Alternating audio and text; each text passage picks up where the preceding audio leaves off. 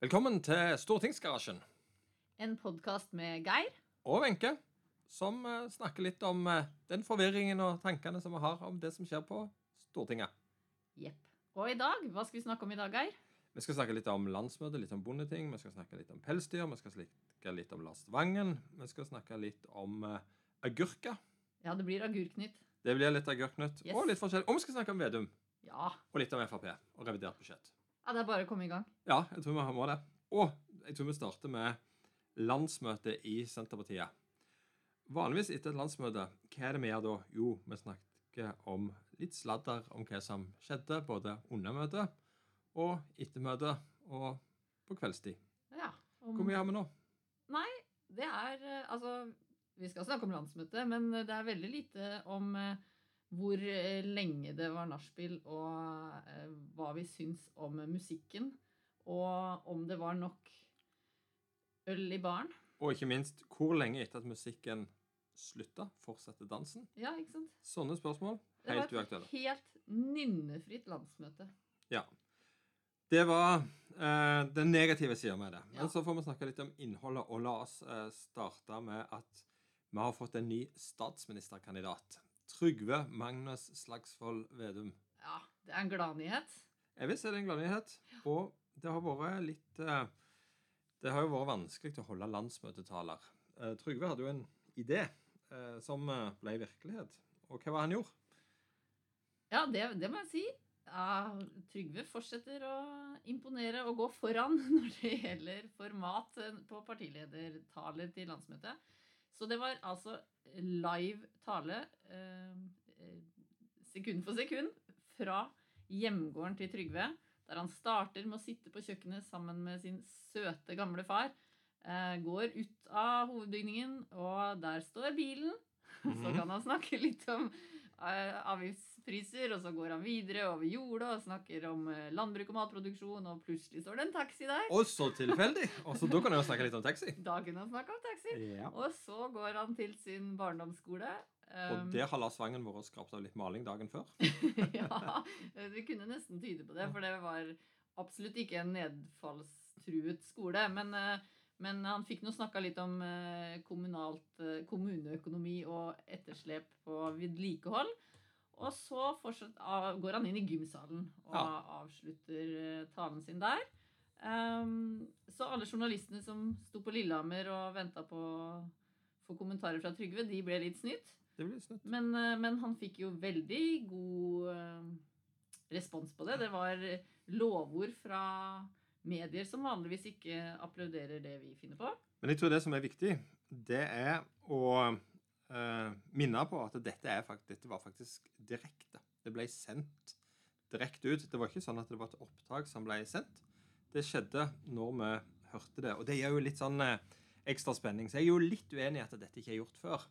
Jeg har jo sett timevis med David, David Attenborough som går rundt og Look at him! ja, løfter ting som en ser. Og, Ja, så, så, så han har jo Det var visse likhetstrekk der, syns jeg. ja da. Men, eh, men det er imponerende å kjøre det på et eh, one take, som det heter. Og eh, ikke vet jeg, han hadde jo ikke sannsynligvis et manus, men jeg tror han kom gjennom de punktene han hadde tenkt å si, og ikke var det veldig sånn eh, snublete og gjentagende og sånn. Så han er han er flink på det der, Trygve, men det handler vel om at både det var hans egen idé, Mm. og han får si ting med sine egne ord. Det er ingen som har skrevet en tale han skal huske. Det er Trygves egne ord. Men det, det var jo en ting jeg ga Trygve terningkast fem. Jeg. For det hvis han hadde stoppa eh, i en hekk og slått lens mens han snakka ved skuldra, da hadde du liksom eh, Om det gode livet på bygda, da tenker jeg, da hadde du da hadde du naila sekseren på folkelighet. Ja, Med mindre han hadde slått lens på strømgjerdet. Det har han gjort før, mener jeg å huske. Eh, skal, nei, nå skal vi ikke snakke Jeg tror han setter fast noe glidelås nå en gang når han skulle gjøre raske seg. Og nok om det. Nei, Da hadde det blitt litt for folkelig. Det må vi spørre Trygve om vi må klippe vekk eller ikke før vi, før vi legger dette ut. Men eh, landsmøtet gikk bra. Eh, det var jo som det ofte er når eh, det digitale fungerte. Vi var iallfall eh, eh, Jeg måtte jo være litt i Stortinget, så jeg fikk med meg litt fra Oslo, litt fra eh, Rogaland. Eh, det var litt dårlig stemning i Rogaland når jeg under voteringen måtte opp på NRK Rogaland. Jeg spurte da Jarle Bø, ordføreren i Randaberg, om han kunne kjøre meg. Og så var det en votering mens vi var vekke, der vi tapte med to stemmer.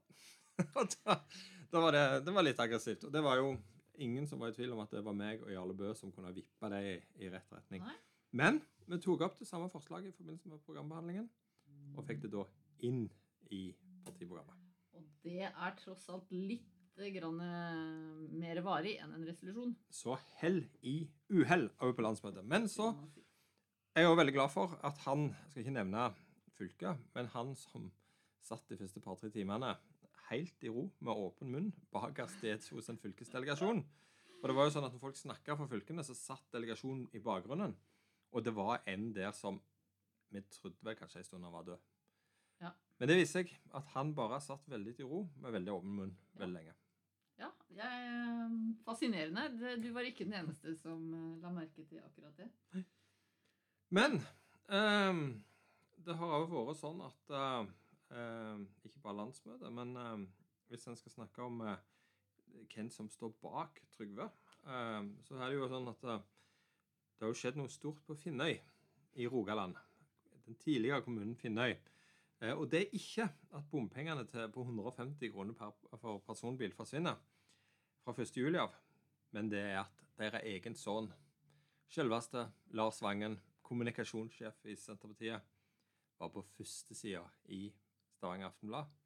Eh, og det var fem sider inni som var liksom via til Ja. Lars Vangens fortreffelighet. Det er sterkt. Finnøygutt står bak fenomenet. Ja. ja. Eh, Det syns jeg var artig at Trygve ble bare omtalt som fenomenet. Litt sånn som Prince, the artist former known as. Ja. Ja. Men altså, jeg, eh, jeg tror jo altså, All ære til Lars Vangen. Han gjør en god jobb og en hyggelig kar. Og, og, og bidrar jo veldig positivt innenfor Trygve. Han bare heier på feil fotballag. Han heier på Viking. Det er litt problematisk. Og så er det jo sånn Det er ikke sånn at han sitter og styrer Trygve som en, fjern, en fjernkontroll. Det tror jeg er viktig å få fram. Kan hende han skulle ønske det noen ganger. Det kan. Det kan være han eh, hindrer noen feil, og det kan være han skaper noen muligheter. Så han er mer en sånn eh, som slår pasninger med midtbanen. Ja. En, en hardtarbeidende type. Og han hadde da eh, Stavanger Aftenblad et ønske om å lage et portrett av. Det var én person i dette lange portrettet som kom dårlig ut, og det var meg. Ja, For det Det sto, bra jobba, det sto at jeg, for det stemmer, jeg ringte til Trygve. Han svarte på telefonen, så han hadde ikke tid å snakke nå, for han satt i et intervju med Stavanger Aftenblad og la på. Og da sto det i avisa at jeg ringte på direktelinja til Vedum, men jeg måtte pent vente. Ja. Og det var det jeg fikk lov å bidra Ja. med. Ja. Nei, det var Men eh, hvis du ser det sånn, da, da det jo, Noen vil jo kalle det snikskryt, fordi at det, da vet jo i hvert fall folk at du har en direktelinje til Vedum. ja, det viser jeg at jeg har. Jeg var jo glad for at jeg leser i avisa, for jeg ringer og ringer og ringer, og han får jo aldri svar, så jeg lurte på om jeg hadde rett nummer. Men da viser de jo det. Men han har jo blitt statsministerkandidat. Det Ja. glemte vi jo av. Um, og det kom jo helt på tampen av å bli liksom finalen på, uh, på, på Og- landsmøtet. Da gjorde det vondt å sitte hjemme ved kjøkkenbordet alene foran PC-en, altså. Ja. Åh, ingen å klemme og ingen å juble med når Marit Arnstad går på talerstolen og først sier at der, hvis ikke jeg husker helt feil, at denne resolusjonen vil bli skrevet på nynorsk. Ja, var det den som ville Ja, det? kanskje det ikke var det. Men det er litt artig at, det, Ja. at, det, at er, vi er på det nivået der. Ja. Um, og så at de bare har et forslag til endring, og det er å legge til setningen Mm. ja. Trygve er vår statsministerkandidat. Og det var jo utløsende, for det hadde jo blitt spekulert lenge og vel. Uh, men Så du var ikke spent på voteringen? Nei, Det ville, ikke spesielt. det ville jo tenk, det ville jo ha, Nå ble jo dette enstemmig vedtatt, da. Det ville jo ha vært veldig veldig sørgelig hvis det ble nedstemt. Men da tenker jeg, da kunne vi vel i grunnen bare pakka sakene og tatt ferie. Ja. Eh, og det har vi jo ikke tenkt å gjøre. fordi nå går vi jo rett over i valgkamp. Så kan si mye om å ha landsmøte i juni. Det får noen praktiske konsekvenser ved at vi kommer veldig sent i gang med en del ting. Men samtidig så får du jo med deg liksom den boosten da, som vi gikk ut av det møtet med. Den gode følelsen at det, nå er Trygve for alle penga, og Mm. Senterpartiet here we come. Eh, og så rett ut i valgkamp, for den Ja, 1. juli kan jo folk begynne å stemme på forhåndsstemmer, så det er ikke lenge til det. Det kan de, og da er kanskje noen opptatt av hva som skjedde i jordbruksoppgjøret, f.eks., eller i, eh, hva som skjer i frihandelsavtalen med Storbritannia. Ja, for før vi tar ferie, så skal vi lande viktige, store saker i Stortinget. Kanskje i overkant store når det er snakk om brexit, f.eks. Ja, eh, det er jo eh, Storbritannia er jo vårt eh, Jeg kan fakta om Storbritannia. Jeg har jo fått en del av det. Og leser mye om Storbritannia i det siste. Jeg elsker jo Storbritannia. Jeg hadde jo i hele mitt liv Er du anglofil? Ja, nå skal jeg høre. Jeg har hele mitt liv lurt på hvilken by i verden jeg liker best. Og jeg har tenkt sånn New York gi, Dette er snikskryt, vet du. Roma. ja, litt. Tilfeldigvis så måtte jeg bare til Berlin en tur, og det syns jeg òg var ganske OK by. Ja. Um, men så kom jeg til London, da, etter å ha passert 40. Uh, for jeg hadde jo bare, altså London for meg var noe sånt bilde i en album som mor og far hadde. og Sannsynligvis var det ikke London engang. Det var Newcastle på 70-tallet som jeg har liksom mine bilder av London. Men for en by! Det er liksom ingen tvil. De første ti plassene over verdens beste byer er jo London. Eh, så jeg er jo helt frelst på det. Og 650 000 nordmenn besøker Storbritannia hvert år. Det er det landet vi handler absolutt mest med. Altså Vi selger nå husker jeg ikke tallet helt eksakt, men enormt med varer og tjenester til Storbritannia. Eh, og de er nabolandet vårt. Og nå har vi en frihandelsavtale med dem. Den var det jo veldig mye frykt for at det skulle komme enormt mye eh, nye kvoter, sånn som britene skulle få lov å selge til Norge på landbruk. Mm. Det kom noen, eh, men mindre enn frykta. Så var det en del innenfor fiskerinæringen som hadde tenkt og trodd på lovnadene fra Høyre at nå skulle de liksom få til masse frihandel på fisk. Det må vi vel kunne si at det fikk de ikke til. Eh, og så er det jo et lite problem at en svær, vår tids eh, Altså Norges største frihandelsavtale, hvis du ser vekk fra EØS-avtalen, eh, skal vi behandle i Stortinget på 14 dager. Hastebehandling. Den kom altså ut til folket på fredag, som var. Mm. I går, som kalles tirsdag, var det høring. Og neste onsdag, torsdag, ja, skal den debatteres i Stortinget, og 17. da var det gjort. 17. juni er det debatt i Stortinget, og avgivelse 14. juni. Så det, det går så enormt tempo, og det er jo en stor sak. Og, det er jo helt... 1626 sider som vi selvfølgelig har lest oss gjennom i helga. Hvis du ser vekk fra Steinar Reiten i Kristelig Folkeparti, så tror jeg det er veldig få i Stortinget som har full oversikt over den saken når den blir eh, behandla. Men vi må jo fokusere på hovedtrekk og de lange linjene. Og så tenker jeg at en handelsavtale er én ting, men vi må jo òg bygge opp et eh, tettere samarbeid med britene. Og liksom likebehandle Storbritannia og EU i mange flere saker. Sånn at uh, vi blir liksom en veldig Altså, vi, vi må bruke den muligheten vi har til å knytte enda tettere bånd med Storbritannia. Mm. Det er jeg veldig, veldig for. På sånn kulturelt, uh, utdanningsmessig Eh, jobbmessig, olje- og gass, energipolitikk. Det er mange ting der. Eh, og så må vi reise oftere. Vi må ha mer fly til London. Men eh, da tror jeg Dublin er noe for deg, hvis du mener London er verdens beste by. Men det kan vi ta siden. det tar vi i Reisemagasinet. Det tar vi. Jordbruksforhandlingene derimot, de foregår her. Ja, og der eh, endte jo det ganske raskt med at regjeringa la fram et tilbud. Eh, og så ble det brudd eh, uten forhandlinger. Eh, og da er det nå saken kommer til Stortinget. Så er spørsmålet hva gjør Stortinget? Og nå er det bestemt, eh, eller klart, at regjeringspartiene og Frp eh, vil støtte årets jordbruksoppgjør. Sånn at det som var statens tilbud, det blir vedtatt i Stortinget. Ja, for det kunne man altså Det er det første tilbudet staten la fram når de trodde de skulle forhandle.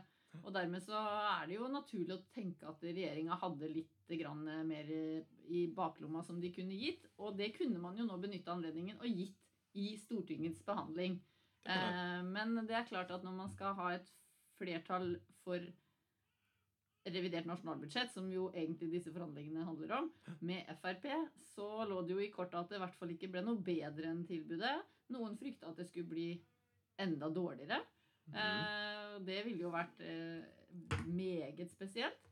Men eh, det ble noe status quo, da. Og så er det klart at landbruket var jo klar over det når de brøt uten å forhandle, at det mest sannsynlig ble statens tilbud som gikk gjennom. Men det hadde jo, etter den våren her som har vært, med både bondeopprør og ganske stort fokus på eh, priser og lønninger i landbruket, så hadde det jo ikke vært helt unaturlig om man eh, tok en ekstra runde og så om det var noe som kunne rettes opp og forbedres i det tilbudet. Det blir det altså ikke.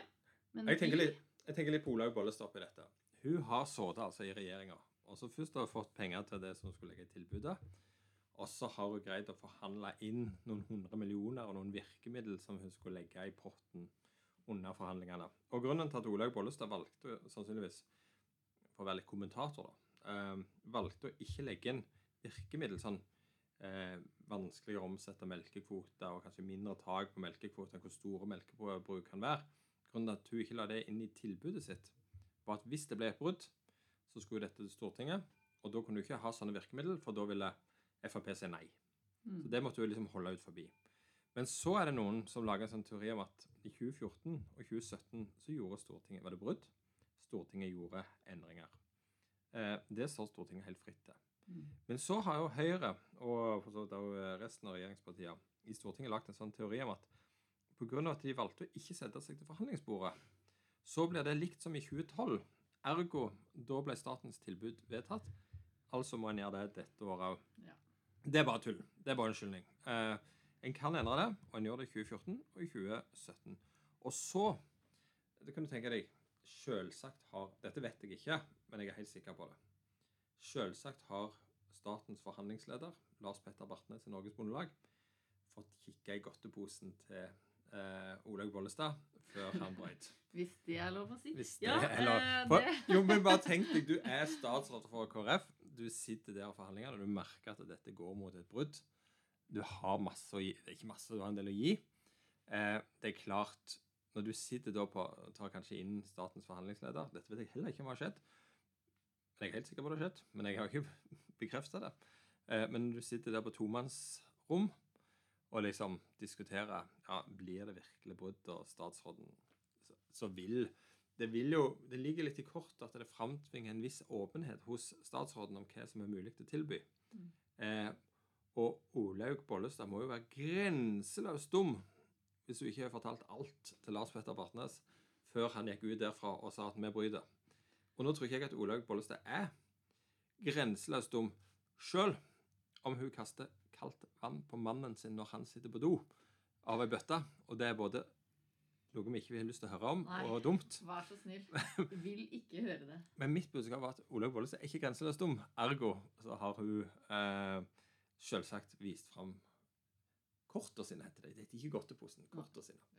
Eh, så det tror jeg har skjedd der. Men nå jobber jo vi med vårt alternative jordbruksoppgjør Ja. å synliggjøre hva vi vil gjøre. Og det er så deilig å kunne si med ei Vedum-leder, eller Senterparti-leder regjering, så vil sånn og sånn skje. Ja. Det er så, det er så med det der Senterpartiet, Arbeiderparti-basert. Senterparti-basert regjering. Ja, for eh, vi kan jo uansett bare snakke, eh, svare for oss sjøl. Og vi vet uh, veldig godt uh, hvor Senterpartiet står i landbrukspolitikken. Men er det litt rart at vi snakker om ei at Jonas Jonas snakker vi om? Men når vi snakker om vår egen, så kaller man Vedum. Vi kan ikke kalle det Trygve-leder regjering. Det blir for kos. Ja, ja, det har vel vært før? Ja, ja, det var masse Trygve, vet Trygve du. 2, liksom? Ja, det blir ikke helt det samme. Nei. Nei, men, eh, men Det det. jeg syns at det er en sånn armlengdes avstand. eh, At vi ikke er en sånn kompisgjeng Det er ikke du dus er partilederen, liksom. Nei, Han svarer hadde han jo Han svarer jo ikke engang når du ringer. jo han svarer, men han har ikke tid å snakke. Nei, må ringe sånn senere. Sånn er det. Men, yep. men nå snakka vi om uh, jordbruksforhandlingene, Ja. og vi snakka om forhandlingslederen til landbruket. Og da må vi jo nesten snakke om det som akkurat foregår nå, Bondetinget. Ja, om vi har, også gjerne skulle vært fysisk til stede. Det Ja. gjør også vondt i sjelen. for der pleier det av og til å være litt sladder og ting og, konspirasjoner og ting å trekke opp etterpå. Ja, og om ikke annet eh, litt nettverksbygging, som jo eh, vi som er på jobb, da, Ja. eh, er opptatt av. Men, men i dag så er jo siste Jeg har sittet og hørt på leders tale. Nå er det generaldebatt. Og det er siste leders tale fra Lars Petter Bartnes. Han prøvde jo å gå av i fjor. Mm. Det gikk ikke så bra. Eh, Men nå er det definitivt slutt. Eh, Det er jo vemodig. Ja. Eh, Men jeg tror også Lars Petter syns det skal bli godt å komme hjem etter syv år i Oslo. Og så får vi jo en haldenser som tar over roret. Bjørn Gimming, sannsynligvis, blir valgt i morgen. Regner med det. Ingen motkandidater. Um, så dette er i trygge hender. Men det er alltid rart når en epoke er over på den måten der. Når han er ferdig, når han er ferdig da, som leder i Norges Bondelag, blir han da såkalt bondehøvding?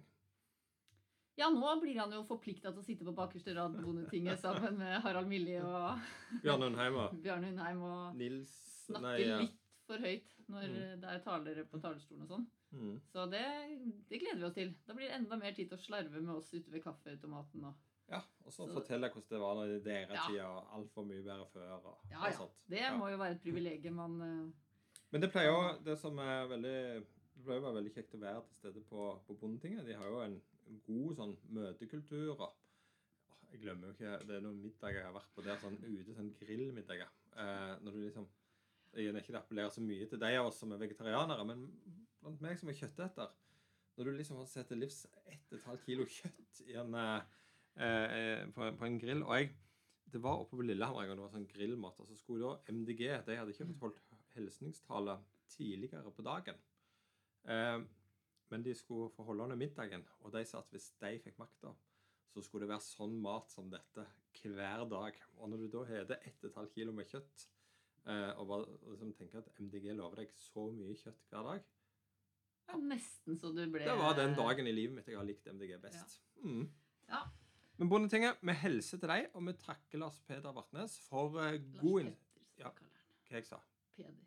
Lars Peder. Ja, men det er jo Det fordi at en annen Lars Peder Brekk En annen høvding. Som jeg ringte til en dag. Det var Ja. jo veldig koselig å facetime litt med Lars Peder Brekk. Ja, Lars Peder. Hei, hei. Skal vi begynne å facetime litt med Lars Petter når han har gått opp? Ja, det kan vi gjøre. Men ja. Først først skal vi- må vi gjøre oss ferdig med den podkasten. For vi fikk- må innom et Jeg fikk par lyst til å facetime med Bjarne Undheim nå. det, det hadde vært Nei, det passer ikke inn i dette formatet. Nei, det skjer ikke heller. Men, eh, men, men eh, altså um, Du snakka litt om uh, Olaug Bollestad som kasta kaldt vann.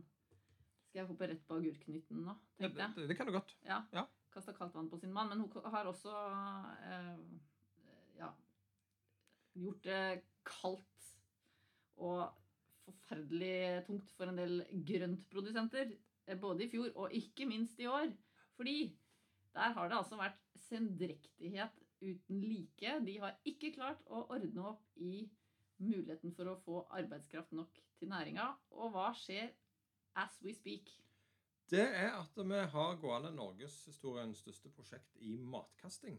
Eh, fordi at eh, Olaug Bollestad og regjeringa sa plant så få gang på det i vår. Gambla på at ting skulle ordne seg til nå. Nå har det ikke ordna seg, og nå vil de ikke eh, Nå har vi ikke eh, disse Nav-folk og skoleelevene alle som skal, skal høste. Det er ikke nok av dem. Vi trenger mer utenlandsk arbeidskraft inn i landbruket. Det har ikke regjeringa levert på, og nå må maten kastes. Så neste gang han der han er mannen til Olaug sitter på do, så kan hun hive en kasse kinakål på han, fordi at det vil bli massiv matkasting som, dette, som følge av dette. Og jeg syns at der har regjeringa svikta. Fordi, og dette er viktig å si, regjeringa kunne bare ha satt veldig strenge krav til karantene når folk skulle komme inn i landet. Når du er ferdig med karantenen, så er det ikke nasjonaliteten den som avgjør om du er smittsom eller ikke. Og disse kommer for å jobbe her lenge. Eh, og da kunne vi fått redda inn disse eh, grønnsakene. Og nå er det også sånn at bærsesongen begynner å nærme seg, så den står litt i fare. Hva skjer med den? Eh, og der har altså regjeringa ikke levert, mener jeg. Nei, og vi kunne da i går lese om f.eks. Jens Edvard Kase fra Østfold, eh, som eh, kasta 200 000 agurkplanter. Fordi eh, de innså nå at det ville ikke bli mulig å få planta ut de plantene. De sto ikke ute på friland, de sto i, i um, drivhus enn så lenge og skulle plantes ut nå. Hadde ikke folk til det, og dermed så gikk de i søpla, og da blir det ikke så veldig mye sylteagurk fra den produsenten. For det er en av de som det kanskje er bilde av bak på Helt riktig. Ja, ja, ja, ja. De er fra Østfold, hele gjengen der. Ja, ja. Det er det vi driver med, vet Det virker til å være ganske varmt der i Østfold, for der dyrker en liksom meis og Det agurk jo- Norges uh, Syden. Norges Ibiza. Ja. Østfold, det. Østfold, det. Men eh, det, er, det er i hvert fall så kritikkverdig at de har brukt så lang tid på å behandle det. Og eh, nå kom det vel en eh, lettelse såkalt om at eh, du måtte bare ha jobba ett år før med tilsvarende arbeid for at du nå skulle defineres som fagarbeider, og ikke tre år. Det har jo ingenting å si. De driver med sånn småtteri som ikke hjelper på problemet. Og de er uansett altfor sent ute. Og det blir mye mindre norsk frukt og grønt i handledisken i år. Ja. Og det er eh, trist. Da kan vi jo, hvis vi skal oppsummere, da, så kan vi jo tenke liksom Hvordan hvordan har Olaug Bollestad hatt det i det siste? Jo, hun har forhandla med britene og endte opp med å få kjeft fra jordbruket. Hun har forhandla med bøndene og endte opp med å få eh, eh, kjeft av bøndene. Hun skulle ha vært på landsmøte i Norges Bondelag og holdt tale som en av hovedattraksjonene. Det er digitalt. Hvor kult er ikke det? Hun får nå kritikk av Senterpartiet for at hun til og med har svikta i agurknyhetene. Så kanskje vi skulle lånt ut han der Lars Vangen litt til Olaug Bollestad. Men Jeg har et bedre forslag. Ja. Vi bare bytter henne ut. Ja. Vi, altså, det er ikke mange månedene til 13.9, så kan vi bare si sayonara. ja, Og så kan vi sette inn en landbruksminister som faktisk mener det når eh, hun sier at der, eh, hun skal gjøre alt hun kan for norsk landbruk. Ja, for denne, hvis skal oppsummere, altså Jeg er jo ikke i tvil at Olaug har jobba bra med jordbruksoppgjøret. Hun har jobba bra med avtalen. Hun har jobba bra med landsmøtetalen sin til, til Bondetinget. Hun har jobba sikkert bra med arbeidskraft i landbruket, men har tapt i regjering. Dette minner litt om denne idrettsøvelsen som heter tilløp uten hopp. Der har Olaug levert. Ja. Til slutt så har jeg lyst til å ta og gi litt ros til et parti. Ikke ros, men det er litt gøy, da. For det har jo vært forhandlinger om revidert budsjett. Eh, statsbudsjett. Og der har jo eh, Fremskrittspartiet forhandla med regjeringspartiene. Og det er veldig tydelig at Fremskrittspartiet er mer enn gjennomsnittlig opptatt av Senterpartiet. Ja. For det er veldig mange av de sakene som Frp har vært opptatt av og fått gjennomslag for i forhandlingene, som er saker som lukter veldig Senterpartiet. Vi kan nevne bredbånd i distrikter. Ja, velkommen etter. Ja, vi kan nevne en bevilgning Den syns jeg er ganske eh, kul, da. Fjellstyrene får fem millioner kroner mer. Og det er ikke mange Frp-ere som er opptatt av altså som er i fjellstyrene, eller som holder på med det. Nei. Nei. Så der kan vi ikke si at Frp på en måte bare er opptatt av sine egne. De er også opptatt av våre Ja, folk. de vil ha velgere. Men eh, folk vet hva som originalen. De har vært opptatt av sjøfolka. Ja. Det har de ikke hørt på. Eh, og på en rekke saker så finner en liksom spor av ting som en tenker Veldig rart av Frp å prioritere dette. Men jeg tenker fornøyd med det. Ja da, at det blir litt mer penger til skogplanting. Det er fint, det. For det ville jo vi gjort eh, selv. Skogplanting, der har du Frp i et nøtteskall. Ja. Det hadde jeg ikke tenkt de skulle komme på. Nei. Og det viser jo at kanskje denne statsministerkandidat Vedum allerede har begynt å virke og påvirke norsk politikk. Jeg tror det får bli dagens uh, siste påstand herfra. For det er jo det vi gjør. Sitter her og kaster ut påstand etter påstand. Og det er deilig å være tilbake i stortingsgarasjen. Og kanskje, kanskje det ikke er flere måneder til neste gang. Nei, kanskje vi skal komme tilbake om en uke eller to. Hvem vet? Hvem vet? Vi høres! Vi høres. Hva klokka der òg nå, ja?